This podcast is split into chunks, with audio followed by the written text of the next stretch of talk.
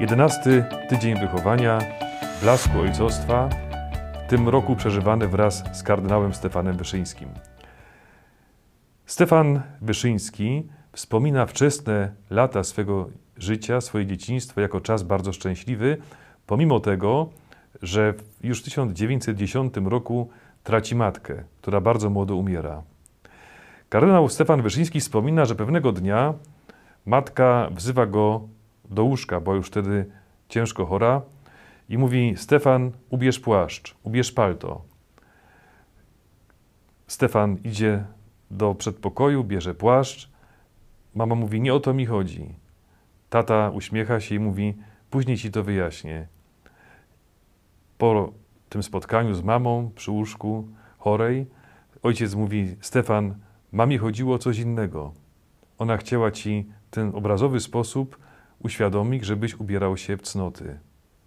Popatrzcie, jakie piękne wspomnienie z dzieciństwa. W tym momencie nie każdy z nas przypomni sobie swoje własne dzieciństwo. Jest taka książka wstrząsająca, ale zarazem pełna nadziei, napisana przez Michaela Sida, franciszkanina, y, który właściwie nie miał dzieciństwa. I książka odpowiada rzeczywiście jego historii, bo nosi tytuł Dziecko niczyje. Jest to książka dla ludzi o odpornej psychice. Nie każdy może ją czytać.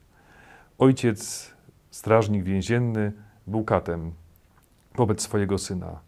Często bił go paskiem, nawet używał do tego tej części paska ze sprzączką. Twarz miał często pokrwawioną. Używał także pałki policyjnej i bił syna nawet gdy był nieprzytomny. Często w domu brakowało chleba. Matka była nieobecna. Uciekała nie tylko psychicznie, ale fizycznie, opuszczając to miejsce kaźni. Była cały czas wycofana. Kilka razy próbowała popełnić samobójstwo i raz niestety uczyniła to skutecznie.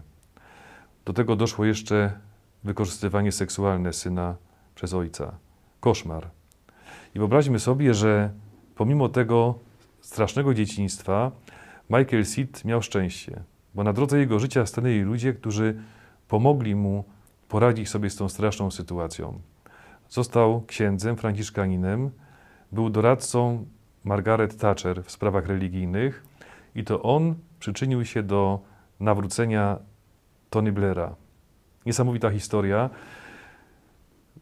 Mówi o tym, że na drodze człowieka, jeżeli rodzice, którzy są pierwszymi wychowawcami, zaniedbają swoje powołanie, swoją misję, mogą stanąć ludzie, którzy przyjdą z pomocą.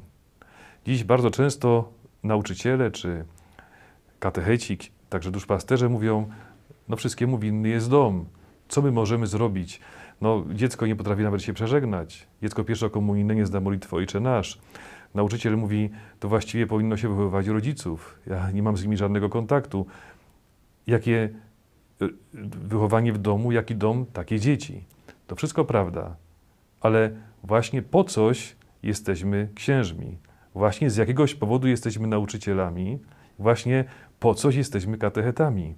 Nie po to, żeby narzekać, tylko żeby zaradzić tym sytuacjom. Pan Bóg czegoś od nas oczekuje. I moi drodzy, możemy zrobić bardzo dużo. Możemy traktować wyzwania jako problem i narzekać, ale to będzie zmarnowanie naszego powołania. Nie o to chodzi.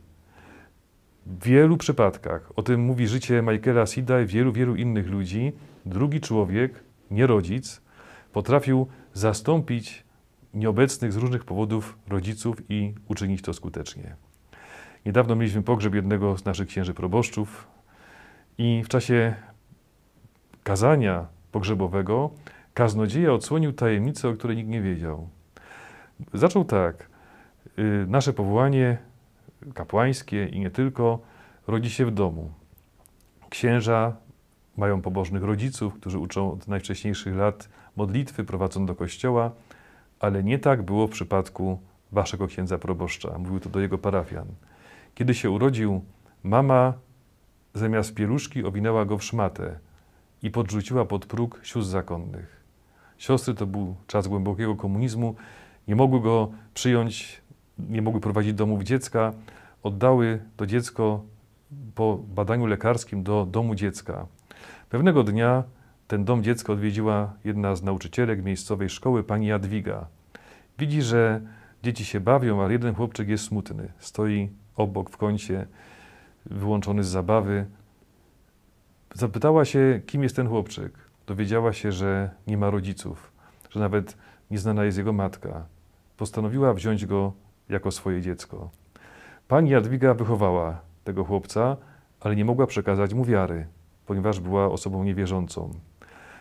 Mając 20 lat, zainteresował się Pismem Świętym. Spotkał świadków Jehowy. Dwie tercjarki, starsze panie, mówią: Słuchaj, lepiej będzie, jeśli spotkasz się z księżmi. My byśmy ci wytłumaczyły y, słowa Pisma Świętego, ale nie potrafimy, nie mamy takiej wiedzy. A tutaj są fajni księża, idź do nich.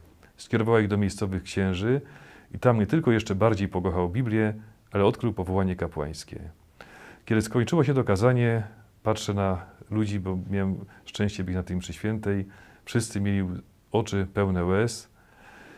A ja sobie pomyślałem, mój Boże, jak to szczęśliwie się stało w życiu tego księdza, że brak rodziców został zastąpiony przez tylu mądrych, dobrych, kochających ludzi. Moi kochani, bądźmy takimi ludźmi, miejmy oczy otwarte wobec tych, do których Pan Bóg nas posyła.